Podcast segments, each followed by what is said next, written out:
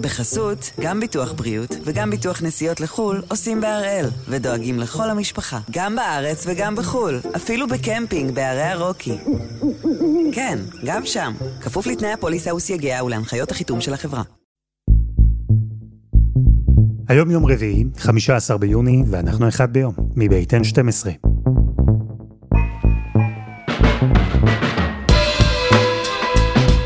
אני אלעד שמחיוף ואנחנו כאן כדי להבין טוב יותר מה קורה סביבנו, סיפור אחד ביום, כל יום.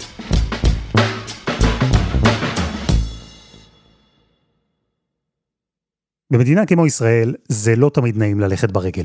כשגשום וקר זה לא נעים, ובטח לא נעים כשחם. במדינה כמו ישראל זה גם לא תמיד נעים לנסוע ברכב, כי פקוק ואין חנייה וההוא בדיוק צופר וההיא בדיוק חותכת. ובמדינה כמו ישראל זה גם לא תמיד נעים לנסוע בתחבורה הציבורית. כאן אין באמת צורך שאני ארחיב, נכון? אז אין פלא שבמדינה כמו ישראל, יש בשנים האחרונות פריחה של כלי רכב שהוא סוג של מוטציה, משולבת כזאת. הוא יותר מהיר מללכת ברגל, הוא יותר זמין מתחבורה ציבורית, הוא יותר זול ויותר מהיר מרכב פרטי. גלגינוע. והנה, אמרתי את המילה בעברית תקנית, עכשיו ברשותכם אני אומר אותה כמו שאתם אומרים אותה. אז הפעם אנחנו עם הקורקינטים החשמליים, עם היתרונות הרבים, עם ההצלחה האדירה, ואיתן גם עם הסכנות והנזקים.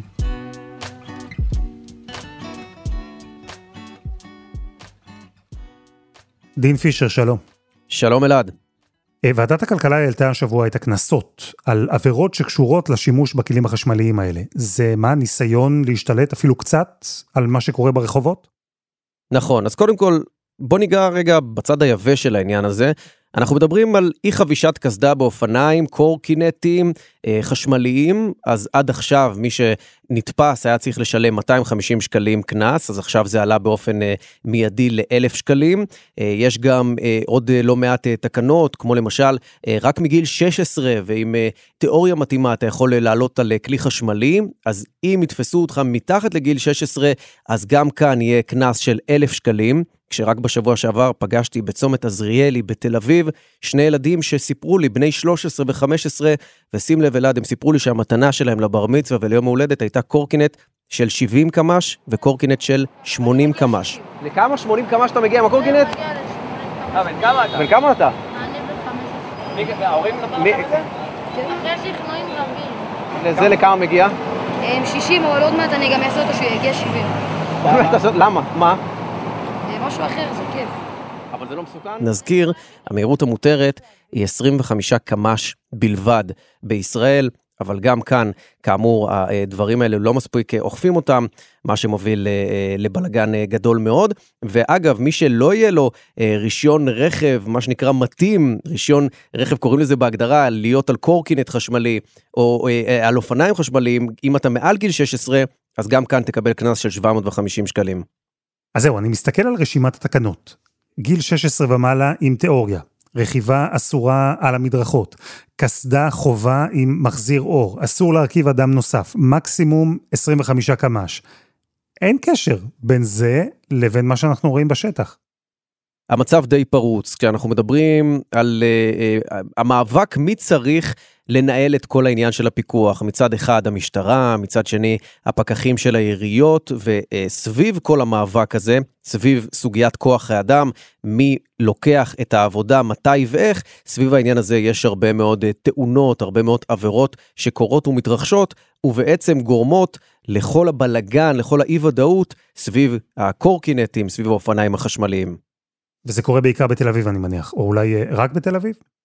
נכון, אנחנו מדברים בעיקר על תל אביב, אבל אה, אפשר לראות אה, ערים נוספות שבהם אה, משתמשים בקורקינטים ובאופניים החשמליים, אם ניקח בצפון הארץ, אזור הקריות, אזור עכו, אזור נהריה, גם באזור הדרום. התאונות האלה קורות בכל מקום, ואם בעבר זה היה, נקרא לזה בציניות, נחלת תל אביב, אז היום זה כבר קורה בכל מקום. ועד כמה פציעות זה דבר נפוץ? אז אני יכול לתת לך נתון אה, שממש אה, בשבוע שעבר אה, שמעתי ואני הופתעתי לשמוע.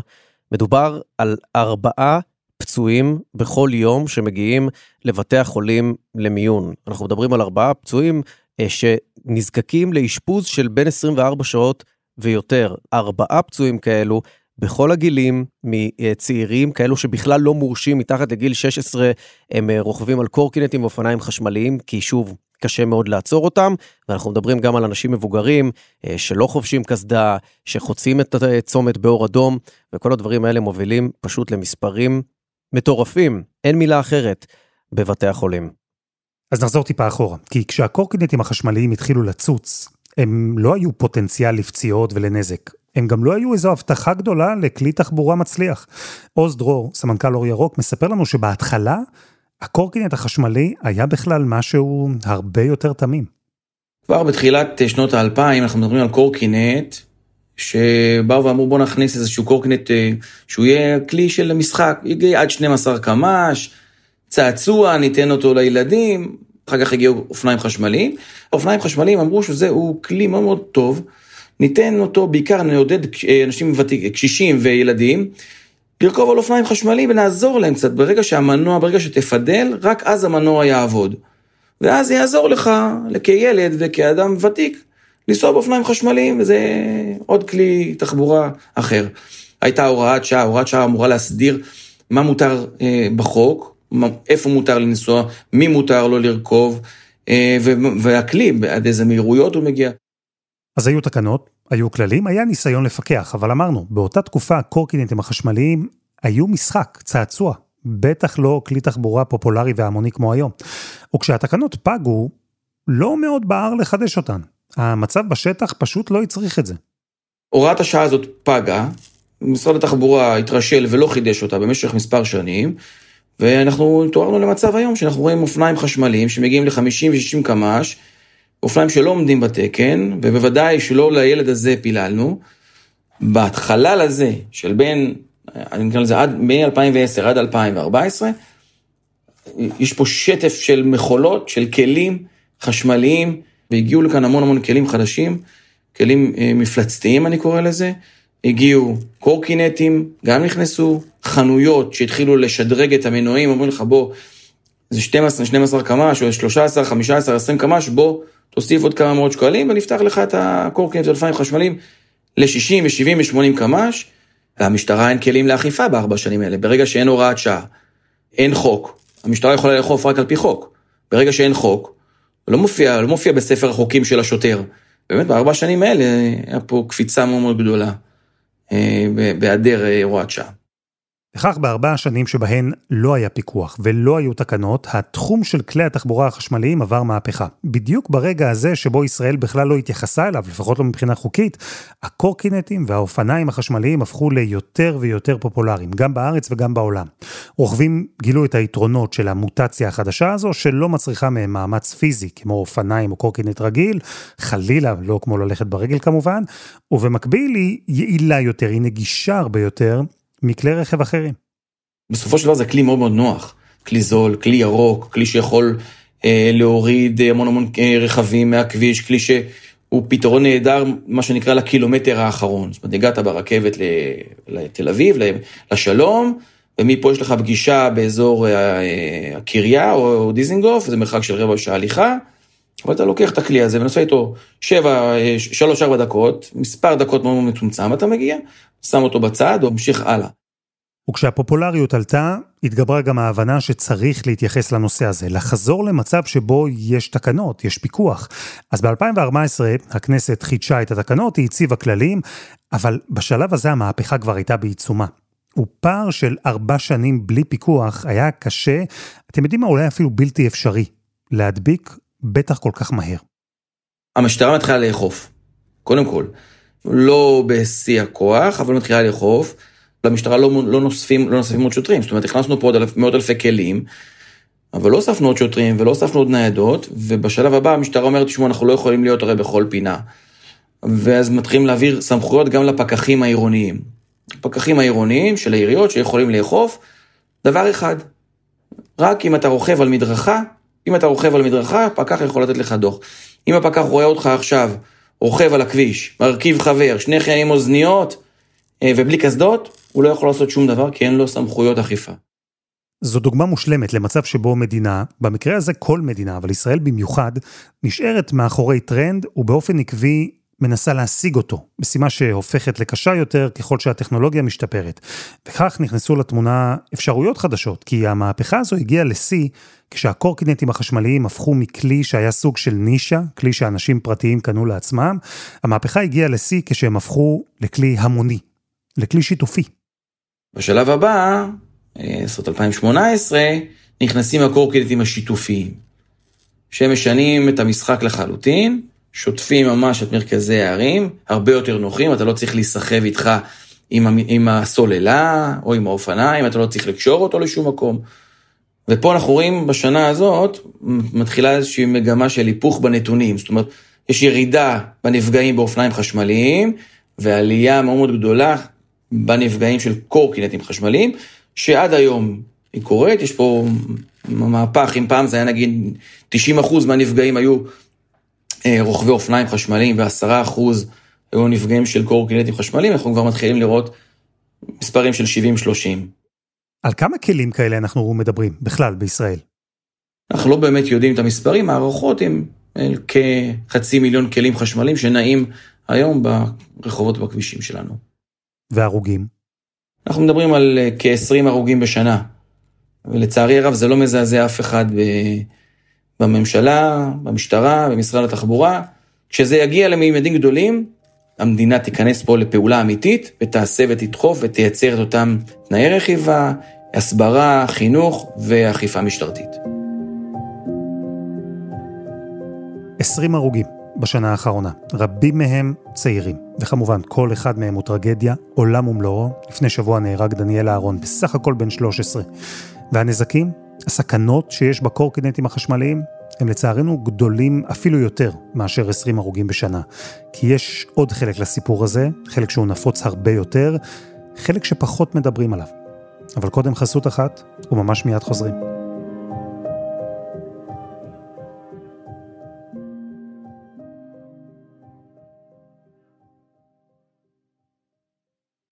בחסות, גם ביטוח בריאות וגם ביטוח נסיעות לחו"ל עושים בהראל, ודואגים לכל המשפחה, גם בארץ וגם בחו"ל, אפילו בקמפינג בערי הרוקי. כן, גם שם, כפוף לתנאי הפוליסה וסייגיה ולהנחיות החיתום של החברה. אנחנו עם הקורקינטים והאופניים החשמליים, מהפכת תחבורה שיש בה המון טוב, אבל גם לא מעט רע. ואם דיברנו על ההרוגים, אלו מקרי הקיצון. אבל באופן יומיומי קורה משהו שלא תמיד מקבל את מלוא תשומת הלב. דבר ראשון, כשאני נכנס לתל אביב עם רכב, אני תמיד אה, נכנס לעיר ואני רואה את הקורקינטים מולי מזגזגים וכל מיני צעירים וצעירות לבושים במיטב מחלצותיהם בדרך למועדון, נמצאים על הקרש המעופף שלהם, רוכבים על הקורקינטים ב-60 קמ"ש, מסמסים בטלפון תוך כדי, רוכבים במרכז אה, דרך נמיר או או בשוליים של איילון, אה, ממש סכנת נפשות. אני מאוד נזהר בהם, מתרחק מהם, מוריד מהירות, כי אני יודע שאם אני אפגע בהם, אני אצטרך לטפל בהם. אין פה איזו מטאפורה מורכבת. דוקטור אייל חשביה אומר את הדברים בצורה הכי ברורה שיש, כי הוא ממלא מקום מערך הטראומה בבית החולים איכילוב. הוא זה שמטפל באותם רוכבים ורוכבות שחלילה יגיעו אליו. והשיחה איתו גרמה לנו, אני מניח שהיא תגרום גם לכם, לעשות יותר מפעם אחת את הצליל, אבל עדיין, חשוב לשמוע את מה שיש לו לומר. אני יכול לדבר ולספר לך רק על אתמול, שאני והצוות שלי שהיינו בחדר הטראומה משעות הבוקר המוקדמות עד שעות הערב אה, לטיפול בקורקינטים חשמליים וברוכבי אופניים חשמליים אה, שנפצעו פציעות קשות. אה, רק לציין, לסדר את האוזן, שחדר הטראומה מיועד לפצועים רב-מערכתיים. כלומר, חדר המיון של בית חולים גדול, כמו איכילוב, מאחסן המוני פצועי קורקינט ואופניים חשמליים שהם פצועים קלים. פצוע קל זה פצוע עם שבר ביד, שבר ברגל, שבר בקרסול, שבר באף, שיניים שמתעופפות מהפה, זה הכל קל. מי שמגיע לחדר הטראומה שלי הוא אדם שנמצא בסכנת חיים. יש לו חבלת ראש קשה, דימום מוחי, שברים מרובים בצלעות, קרע באיברים פנימיים בבטן אה, וכן הלאה וכולי. והפצועים האלה, אני חייב לומר שאתמול התעסקתי כל היום רק בלטפל בהם. אם סיפרנו על האבולוציה של הכלי הזה שהתחיל כמשחק, כצעצוע והפך לכלי תחבורה המוני, אז דוקטור חשביה ראה את זה קורה מתוך חדר הטראומה.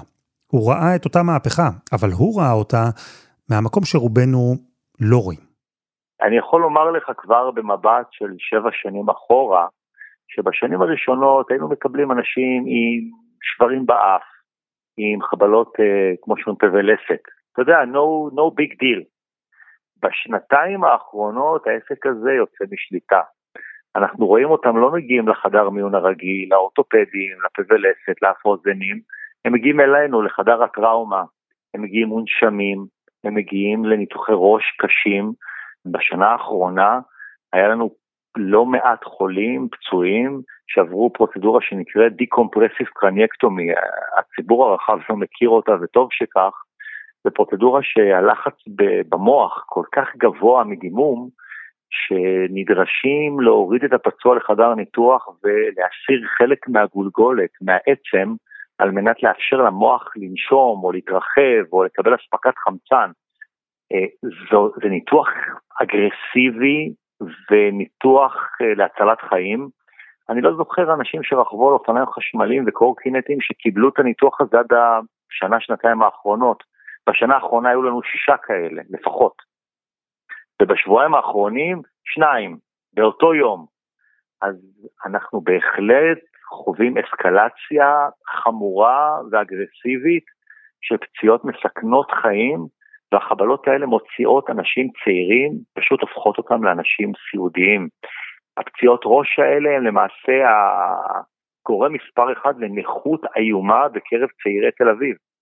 הוא עובד בחדר הטראומה, הוא רופא כבר הרבה שנים. אפשר להניח שמה שלנו גורם לעשות לא ממש משפיע עליו כבר, כי הוא ראה אלפי פצועים, אלפי פגועים, אבל בכל זאת, יש משהו בפציעות מהכלים החשמליים האלה שהוא לא ראה במקומות אחרים. הקורקינטים והאופניים החשמליים מיוחדים, למה?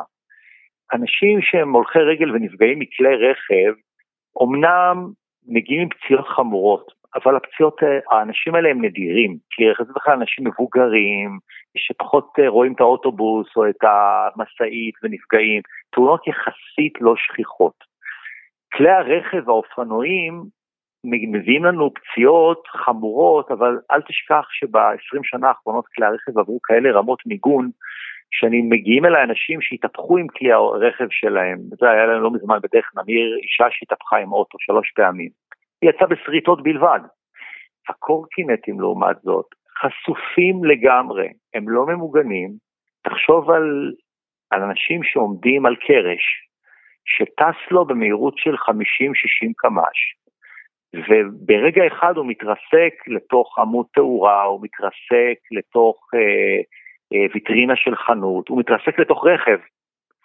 האנשים האלה באים פשוט מפורקים. עכשיו, אלעד, יש פציעה אחת שהיא פציעה שאני ככירורג טראומה לא יודע לטפל בה, לצערי. אנחנו יודעים לחמצן אנשים שלא מחומצנים, אנחנו יודעים להחזיר דם ואספקת דם לאנשים מדממים. מוח שהופך לפירה, שהראש נכנס במפגע במהירות של 50 קמ"ש, את זה אנחנו לא יודעים להחליף ולא יודעים לתקן. אז יש כאן דילמה, הרי אי אפשר להשלים עם מצב כזה, עם קלות בלתי נסבלת כזו שבה צעירים הופכים לסיעודיים, לנכים, זה לא הגיוני. אבל מהצד השני, אמרנו, יש המון יתרונות לקורקינטים חשמליים.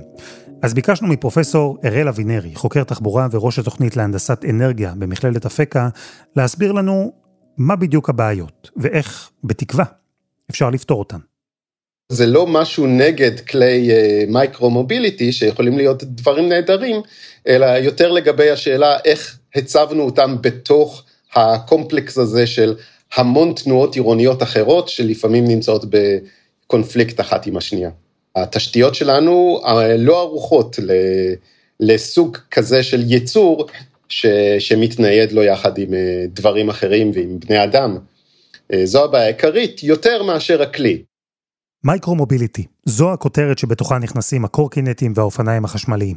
ואם קראנו להם סוג של מוטציה, מעין יצור כזה, שהוא לא ללכת ברגל, הוא לא קורקינט או אופניים רגילים, הוא גם לא רכב. אז עבור יצור כזה, התשתיות הקיימות, המסורתיות, הן לא ממש מתאימות. וזו בדיוק אחת הבעיות. קודם כל לדעתי אין להם מקום על המדרכה, בואו נתחיל עם זה. המשתמשים הפגיעים ביותר הם הולכי הרגל, שזאת לא אוכלוסייה הומוגנית, יש ביניהם משתמשים מאוד מאוד פגיעים, ילדים, קשישים, אנשים עם בעיות התניידות כאלה ואחרות, וזה לא רק הנושא הבטיחותי, זה לא רק השאלה האם אני אפגע והאם אני אפצע והאם חס וחלילה אני אמות, אלא האם אני יכול לקיים אורח חיים נעים וללכת ברחוב ב- ב- בשקט, מבלי אה, שיהיו לי את, ה- אה, את הצורך אה, להפנות קשב ולהפוך את ההתניידות בעיר למשימה בלתי אפשרית. אז מהבחינה הזאת אני חושב שמקומם של הכלים האלה הם בפירוש לא על המדרכה. אז מדרכה לא, כי הכלים החשמליים מאוד מסוכנים להולכי הרגל, זה באמת אסור לפי התקנות, אבל הכביש, גם הוא בעייתי, כי כלי הרכב הגדולים הם מסוכנים לרוכבים. אז המסקנה הברורה היא שצריך שבילים ייעודיים, שבילי אופניים. אבל גם זו בעיה, כי אי אפשר להשוות קורקינט חשמלי לקורקינט רגיל ולשים אותם ביחד. אז נכון, בתל אביב יש עכשיו ניסיון לסלול שבילים מיוחדים כאלה, אבל זה לוקח זמן. ובמקומות אחרים בארץ המצב הרבה יותר גרוע. אז פרופסור אבינרי חושב שהפתרון, בינתיים לפחות, הוא להתאים את הכבישים הקיימים למצב החדש. בכבישים במרחב העירוני הצפוף אה, לא צריכות להיות מהירויות נסיעה גבוהות, ואפשר לפתור את זה הנדסית על ידי זה שנגביל את אה, מהירויות הנסיעה בתוך הערים שלנו, אה, משהו שכבר עשו בכמה ערים בעולם וגם אצלנו. ברגע שזה ייפתר, אז יהיה הרבה יותר קל לשלב אה, כלי מייקרו מוביליטי על, ה, על הכבישים. זה, זאת הבעיה, הבעיה היא בעצם המהירות היחסית השונה אה, שיש בין אה, כלים שונים על אותו מרחב. אז ברגע שאני מבטל את הבעיה הזאת, אז כבר חלק גדול מה, מהתאונות יכולות להיפתר. אז תשתיות זה נושא אחד, אבל זו לא הבעיה היחידה. לא רק בגלל תשתיות גרועות מגיעים עשרות רוכבים בכל שבוע לבתי החולים. הבעיה השנייה היא אכיפה. אין מספיק, וגם זו שיש, גם בה יש בעיות. נכון שקנסות זה דבר שהוא אפקטיבי באופן כללי, אבל אם זה מגיע למשל בלי אה, משאבי אכיפה מתאימים, ובלי אה, העברת סמכויות לפקחים עירוניים, אנחנו יודעים שהמשטרה אין לה את הכוח אדם לטפל בנושא הזה. אז אה, להעביר תקנות בפני עצמו אה, לא פותר את הבעיה. עכשיו, גם הנושא של קנסות, אה, צריך לזכור שיש כבר דברים שאנחנו מנסים לפתור עם קנסות, ואנחנו לא תמיד מצליחים. למשל, חנייה באדום לבן. אוקיי, זה אסור, ויש על זה קנס, ואנשים חונים באדום לבן. יש אזורים שיש לנו את הידע ש...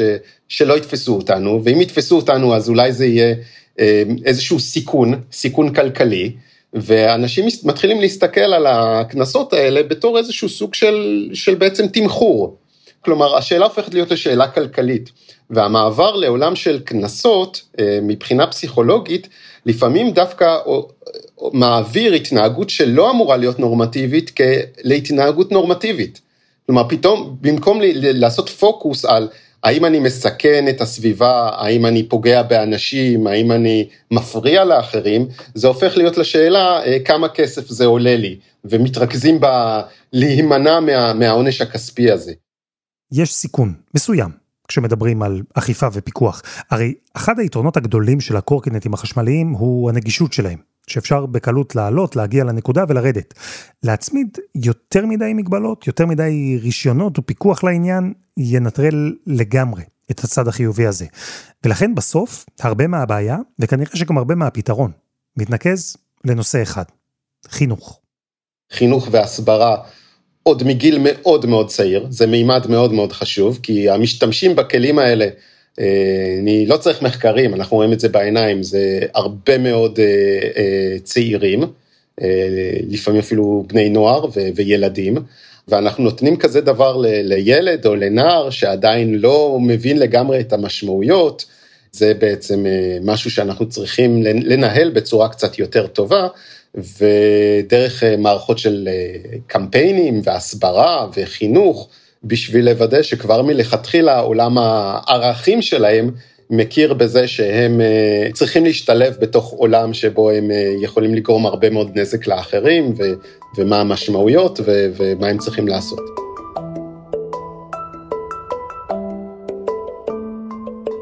אז תשתיות, פיקוח, אכיפה, חינוך, כשמדינת ישראל באמת תרצה להצטרף למהפכה ולטפל בכל הנושאים האלה, אז אולי אפשר יהיה ליהנות מהיתרונות של הקורקינטים החשמליים, בלי שהרופאים באיכילוב ובחדרי הטראומה האחרים יצטרכו לטפל באלפי נפגעים.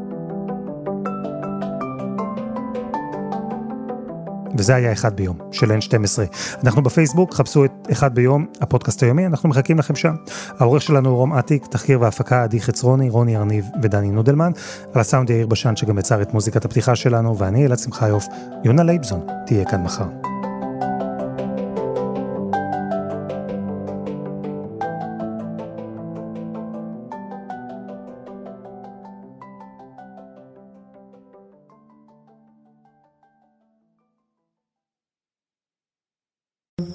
בחסות, גם ביטוח בריאות וגם ביטוח נסיעות לחו"ל עושים בהראל, ודואגים לכל המשפחה, גם בארץ וגם בחו"ל, אפילו בקמפינג בערי הרוקי.